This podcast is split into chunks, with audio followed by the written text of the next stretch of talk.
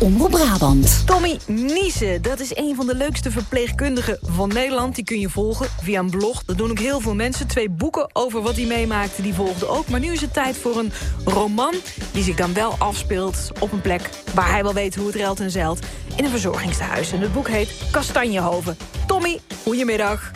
Goedemiddag. Nou ja, verhaal verzonnen, maar eh, er was inspiratie genoeg... dat je dingen meemaakte en dat je dacht... als ik een keer een roman schrijf, dan ga ik dit een beetje bewerken, of niet? Ja, zeker. Het is, het is een verzonnen verhaal, maar alle mensen zeg maar, die in het verhaal voorkomen, die, die, die bestaan ook wel echt. Snap je wat ik bedoel? Ik, ik snap wat je bedoelt. Bijvoorbeeld, we, we Ja. hebben Jannie en Joop, twee, twee bewoners van, van Kastanjehoven. Het- zijn echt mensen die ik in mijn hart heb gesloten ook nog. Ja, omschrijf ze eens. En, en er bestaat dus ergens in Nederland ook een soort van Jannie en Joop. Nou, Joop is gebaseerd op mijn opa, Joop. Ah. Ja. En eh, een hele eigenwijze man, rookte sigaretjes. Ja, eh, gebaseerd op mijn opa. Mhm. En eh Jannie is ook gebaseerd op een mevrouw die ik een lange tijd heb verzorgd toen ik ergens stage liep. Mhm. En ehm, die, die, waarvan, waarvan wij dachten van, ja, die... die Alles gaat over het hoofd, ja. ja, maar die wist het toch heel goed. Ondertussen Dus, inderdaad uh, hoorden ja. die alles en iedereen maar over de hoofd heen. Bed opmaken, aankleden. En maar denken, Jannie is een beetje een, een halve. Maar dat was niet. Nee, inderdaad. Dus eh, ja, die zijn wel echt gebaseerd op mensen die gewoon ja, in de realiteit er zijn. En nou goed, daarnaast Mhm. zijn er natuurlijk ook dingen bij verzonnen. Ehm, m- maar het is wel realistisch. Zeker te Ja. weten, het gaat van de, van de directeur die plannen heeft met Kastanjehoven... tot inderdaad bezorgde eh, kinderen van de bewoners daar. En een aantal is dementerend, een aantal niet, is op leeftijd en heeft hulp nodig. Maar je hebt dit boek niet alleen geschreven. Je had nog een beetje hulp nodig, ook nog van Loes Wouterson. Waarom was die erbij Nou, nodig? Een beetje hulp.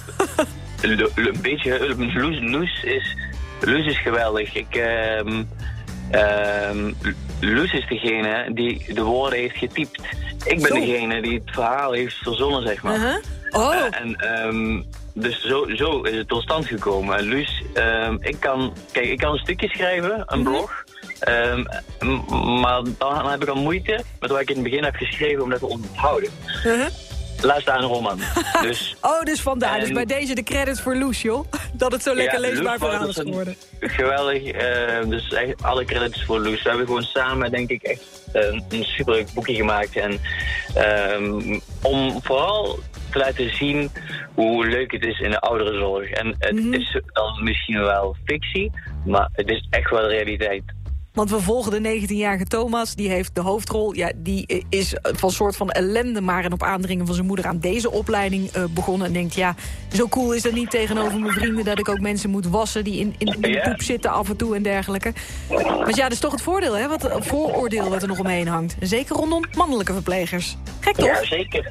Zeker, ja, zeker. Ik had er zelf ook. Hè. En ik had Mhm. zelfs diezelfde voordelen. En, en inderdaad, natuurlijk moet je mensen wassen. Maar goed, je moet jezelf ook wassen. En eh, eh, hoe raar is dat nou eigenlijk, hè? Mhm. En voor wie is het nou het ergste als je iemand moet wassen? Voor jou of voor degene die gewassen moet worden?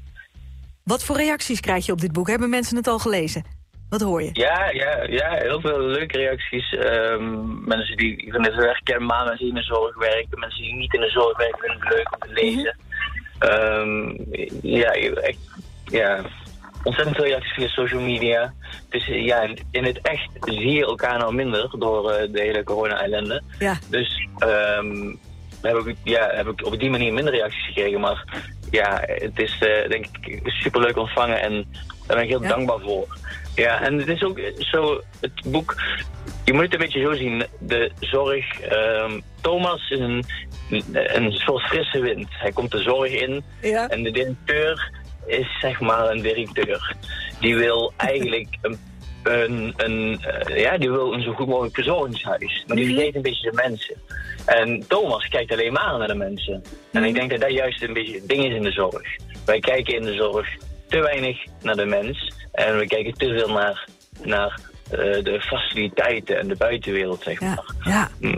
En dat is ook wat ik al een beetje met dit boek wil eh, laten zien. Dat als die twee lagen, de directeuren en de medewerkers die aan het bed staan, Mhm. zeg maar. Als die meer oog voor elkaar hebben, beter naar elkaar luisteren. Ehm, dat we dan echt samenwerken en de problemen in de zorg beter aan kunnen pakken. Nou, dat kun je nog in uh, teruglezen, maar het is vooral een heerlijk feel-good boek. Ik ga de plot niet verraden, maar het heeft een hele mooie afloop nog eens een keertje. hey, dankjewel Tommy. En het mooie is van de uitgever, ik heb twee boeken gekregen van Kastanjehoven. En die mag Kijk. ik nu weg uh, gaan geven. En ik dacht, het is ook leuk voor moederdag bijvoorbeeld of zo. Dus wil je inderdaad voor je moeken of zo nog... of gewoon voor jezelf een heel fijn feel-good leesboek scoren. Het is net uit Tommy Niese Kastanjehoven. En als je denkt, oh, dit klinkt echt superleuk en herkenbaar. Uit het leven gegrepen is het. Laat van je horen, stuur me een appje om kans te maken op dit boek.